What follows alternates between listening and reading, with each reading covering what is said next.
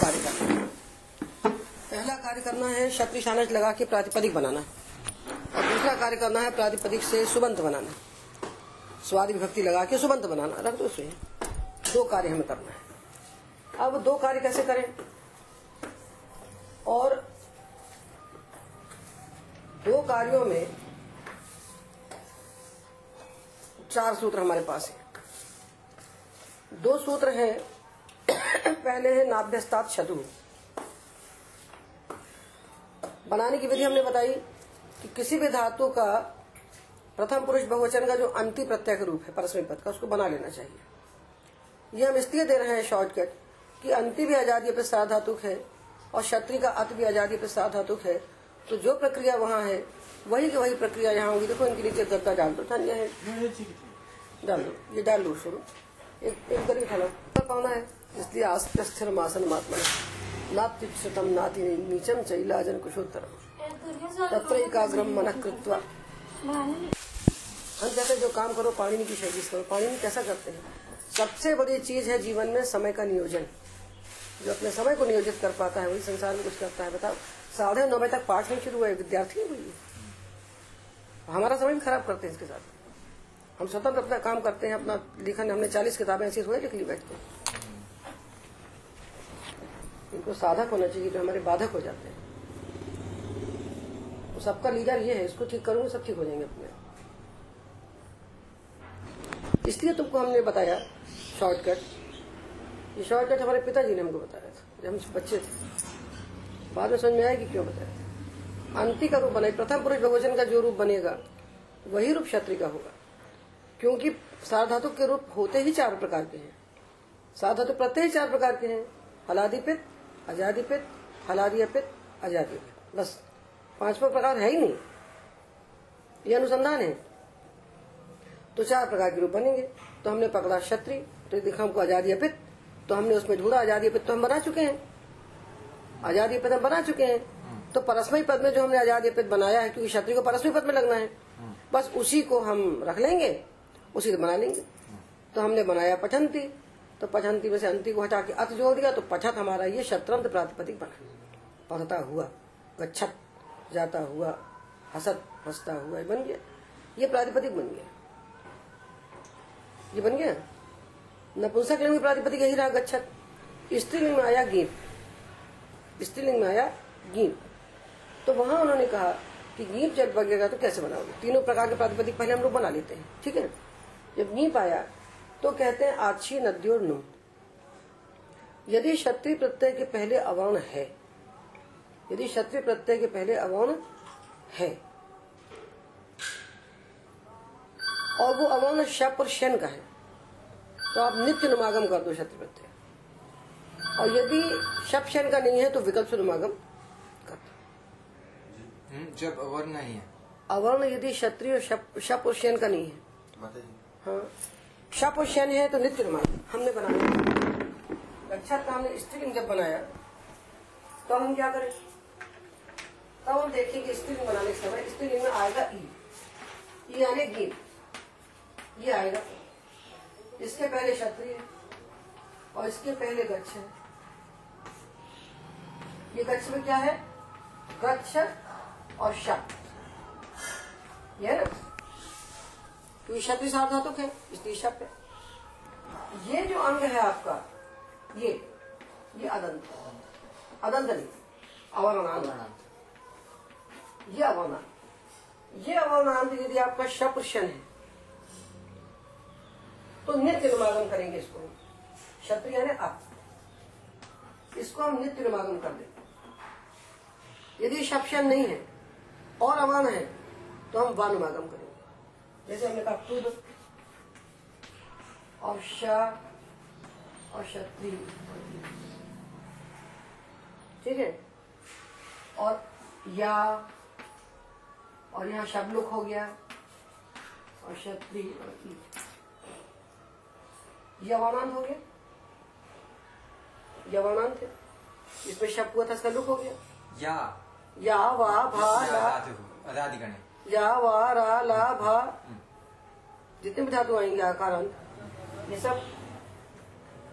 अवर्णांत दुदादिगण का शाह हुआ या अवानंत हमको अंग क्या है? क्षत्रिय के पहले। क्षत्रिय के पहले जो है उसका अवानंत देखना है।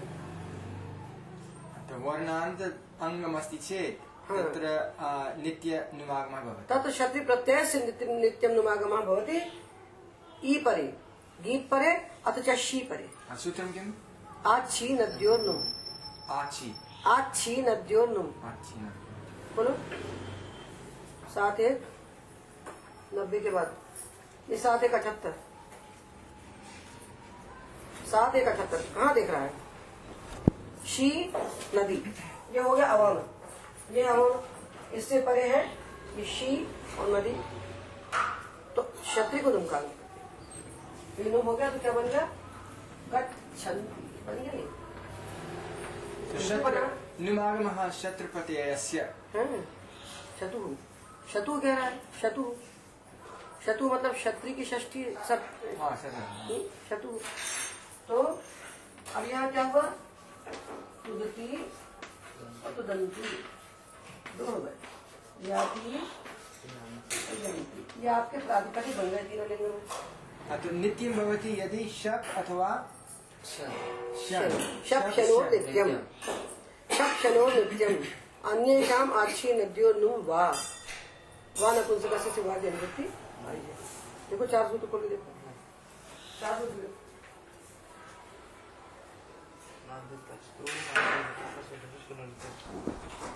न अभ्यस्ता शत्रु आज नद्यो नुम ये दो अलग अलग शुरू के जो दो सूत्र हैं हा हा हा हा, न-। हा। ये जो है ये सुबंत के लिए सूत्र है। और ये जो दो है ये सुबंत के लिए नहीं है। उसमें शी तो सुबंत के लिए आएगा वो नहीं आएगा। इसलिए निमित्त देखिए आप। तो ये अवनांत हो। क्षत्रिय के पहले का भाग। और वो शप या शन हो। तो क्षत्रिय को नित्य नमागम होगा। और शन नहीं हो और अवनांत हो तो क्षत्रिय को वानुमागम होगा। किससे? आछी नदियों से। और शब शनो नित्यम से नित्य ये दो का एक वर्ग बन गया। ये दो सूत्रों से हमारे सारे प्रातिपदिक तैयार हैं। पुमलिंग में गच्छत नपुंसक लिंग में गच्छत स्त्रीलिंग में गच्छन्ति तुदत तुदत तुदती तुदंती। स्त्रीलिंग में दो बन तो अवर्णान्ताङ्गमस्ति चेत् शप् अथवा स्यन् तत्र नित्यं नुमागमः भवति शत्रुप्रत्ययस्य हम्म। तो शप् स्यन् नास्ति चेदपि अवनान्तं भवति तदा भवति। तत्र विकल्पेन? चुदादिगणे तुदादिगणस्य श अथ च अदादिगणस्य आकारान् धातवः। ओ इति। विकल्पेन भवति। अदादिगणस्य आकारान्त धातुः अथवा तुदादिगणं। विकल्पेन। इससे क्या हुआ है ना सर्वे सर्वाणि प्रातिपदिकानि निष्पन्नानि पु- पुंलिंगे गच्छत् नपुंसकलिंगे गच्छत् इति प्रातिपदिकं स्त्रीलिंगे गच्छन्ति इति प्रातिपदिकम् अवर्णान्त अङ्गमस्ति चेत्। नास्ति नास्ति चेत् न भवति। न भवति। तन्न भवति। एतत् महासूत्रम्। नाम स्त्रियाँ प्रातिपदिकद्वयं नुमागमसहित अपि च तीन हो गए? तीन? एक नुमागम अत्र वानुमागम और कुर्वती है न नुमागम। अस्तु अस्तु अस्तु। इति तीन हो गए? हम्म, नित्यम नुमागम विकल्पेन नुमागम न नुमागम। गच्छन्ति अत्र नित्यम नुमागम तुदति तुदन्ति इति वा नुमागम कुर्वती इति न नुमागम। हम्म, स्त्रीलिंग में तीन भेद बने हम्म। स्त्रीलिंगे त्रयो भेदा ये गच्छन्ति इति नित्यं नुमागमः। तुदति तुदन्ति इति वा नुमागमः। कुर्वति क्रीणति न नुमागमः। सति न नुमागमः। ठीक है ना? तो ये प्रातिपदिक बन गए एतावता। एतावता सर्वाणि प्रातिपदिकानि, निष्पन्नानि। ये बन गए सब पूरे। अब इनके हम सुबंत बनाए। अब इनके हम इतना हो गया तुम्हारा। कितने सूत्र लगे? दो। आछी नदियों नु शपशनो नित्यम ये स्त्रीलिंग के लिए बना और एक शी आएगा नपुंसक लिंग। वो शी सुबंध का प्रत्यय है। शीशु प्रत्यय है। अब इनके हमने बनाया प्रातिपदिक इनके हम सुबंध बनाएँगे। तो सु उजा सामउज पाँच प्रत्यय पाँच प्रत्यय परे होने पर दस गण के हमने बना लिए। दसों गण के गण के हमने शत्रंत शब्द बनाए। गच्छत, दिव्यत क्रुध्यत चोरयत, सब बना लिए दसों इसमें नौ गणों में हम क्या करेंगे? नौ गणों में। सुजस अमौच और नपुंसक लिंग का शीशी। इनको हम नित्य निवागम करेंगे। सात लेना, पाँच मत लेना। क्योंकि सर्वनाम स्थान सात है। शी सर्वनाम स्थानम सुज अनपुंसक इन सातों के परे होने पर जो क्षत्रिय है, उसको हम नित्य नमागम करेंगे किंतु नाभ्यस्तात शत्रु ये नमागम किससे करेंगे? उगित उगिदचाम सर्वनाम स्थान या धातु से। समझ रहे हो? उगिदचाम सर्वनाम स्थानी सर्वनाम स्थान परे होने पर जो उगित अंग है, उगित उगित है जो उक यानी उ री की इत संज्ञा हुई है। वो उगित। उगंत मत बोलना। उगिदंत। उगिदंत प्राति। उगित मत बोलना। प्रत्ययस्य वार्ता अस्ति खलु? हम्म। शत्र प्रत्यय। क्षत्रिय इति प्रत्यय इति तत्र उगिदन्त। संज्ञा ऋकार इति उक् तस्य संज्ञा भवति तदा क्षत्रिय इति उगित। क्षत्रिय इति उगित गच्छत् इति उगिदन्तम् हम्म, अ, प्रातिपदिक क्षत्रिय इति उगित गच्छत् इति उगिदन्तम् उगित जिसके अंत शत्र अपि उपिदन्त अस्ति खलु? क्षत्रिय इति उगित अस्ति किन्तु अन्ते? क्षत्रिय प्रत्यय से उकार इत। अतः क्षत्रिय प्रत्यय उगित क्षत्रिय प्रत्यय ऋकार इत। तत्र अन्ते अन्तः इति नहीं इसलिए ये तो स्वयं उगित है। जिसमें ऋकार जिसमें उक इत है वो कौन है? क्षत्रिय। हम्म, यस्य उक इत सह कह क्षत्रिय। हम्म, सह क्षत्रिय प्रत्यय यस्य अन्ते सह गच्छत। हम्म, तरी गच्छत। इति उगिदन्तम क्षत्रिय उगित। ठीक है ना? यही शास्त्र की भाषा से बोलना चाहिए। क्षत्रिय उगित प्रत्यय। द्वयमपि बहुव्रीहि समासः क्षत्रिय उगित प्रत्यय। और गच्छत इति उगिदंतम प्रातिपदिक। जो उगदंत प्रातिपदिक होते हैं उनमें नुम का आगम होता है। कब होता है? सर्वनाम स्थान पर ही होता है। सर्वनाम स्थान सात है। तो गच्छन गच्छन्तौ गच्छन्ता गच्छन्तम गच्छन्तौ और वहाँ जब गए शी में तो गच्छन्ति। गच्छन्ति गच्छन्ति। बन गया और दूसरा सूत्र आता है, नाभ्यस्तात शत्रु। यदि अभ्यस्त अंग है तो शत्रु के नुम का आगम नहीं होता। तो ददत ददत, ददता, ददतम, ददतौ बना जीवन अब वो जो शी आया, उसके लिए क्या करेंगे? कहते हैं वाह नपुंसक नपुंसक लिंग का जो सर्वनाम स्थान है उसको विकल्प से नुम का आगम होगा यदि अंग अभ्यस्त है। नपुंसक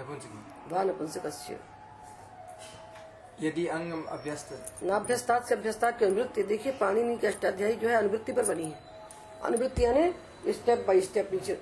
ऊपर जैसे हम स्टेप से उतरते हैं ना ऐसा स्टेप से शब्द उतरते हैं नीचे। हाँ, हाँ। स्टेप से सब ऐसे उतरते हैं शब्द नीचे।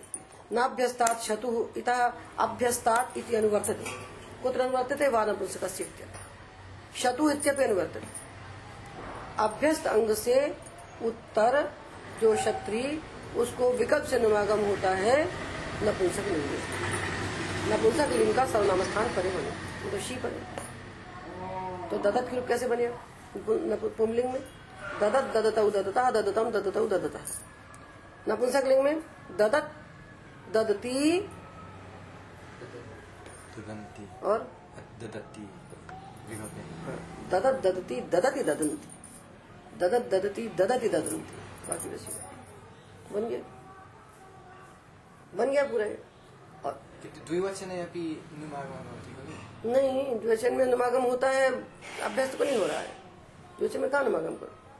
अच्छी नदी और से होता नमागम। वर्णात् अंगम हाँ तब होता है। द्विवचन में यहाँ तो नहीं हुआ अभ्यस्त को तो नहीं हुआ। न न किसको होगा? इसी से होगा ये। ये होगा। वहाँ ये पूरा सेम लग जाएगा। हम्म, वहाँ भी तीन विभाग बनेंगे।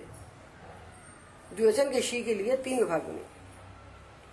द्विवचन के सीख लिए तीन विभाग। तीन विभाग बनेंगे। यदि शपशन है तो नित्य नित्यनमागम। शपशन नहीं है और अवर्ण है तो वानुमागम। और अवर्ण नहीं है तो यथा स्त्रियाँ तथैव हंड्रेड परसेंट सूत्रं तदेव शीन अद्यो एक साथ सूत्र बनाए। हम्म, सूत्रं तदेव उभय कार्यम करोति। तर्हि नपुंसकलिङ्गे द्विवचन नपुंसकलिङ्गे अवर्णान्तमङ्गमस्ति चेत् तत्र द्विवचने यथा स्त्रियाँ व्यवस्था अस्ति। तथैव सूत्रमेव शीन अद्यो उभयेषां कृते एक, एकमेव सूत्रम अस्ति ठीक है अब तुम्हारा बन गया क्षत्रिय अब इसका दस मिनट चिंतन कर लो पाँच मिनट। स्थिर कर लो बुद्धि में। दिखाओ प्रकृति अनुसारी पुस्तक इनको दो एक लाके। एक पाठ हमारा भीतर पड़ा होगा नया। है ठीक है मिल गया से मिल गया। तुम लेके आए उसको वहाँ से? क्यों लेके आए तुम? क्योंकि ज, शत बताया गच्छन्ति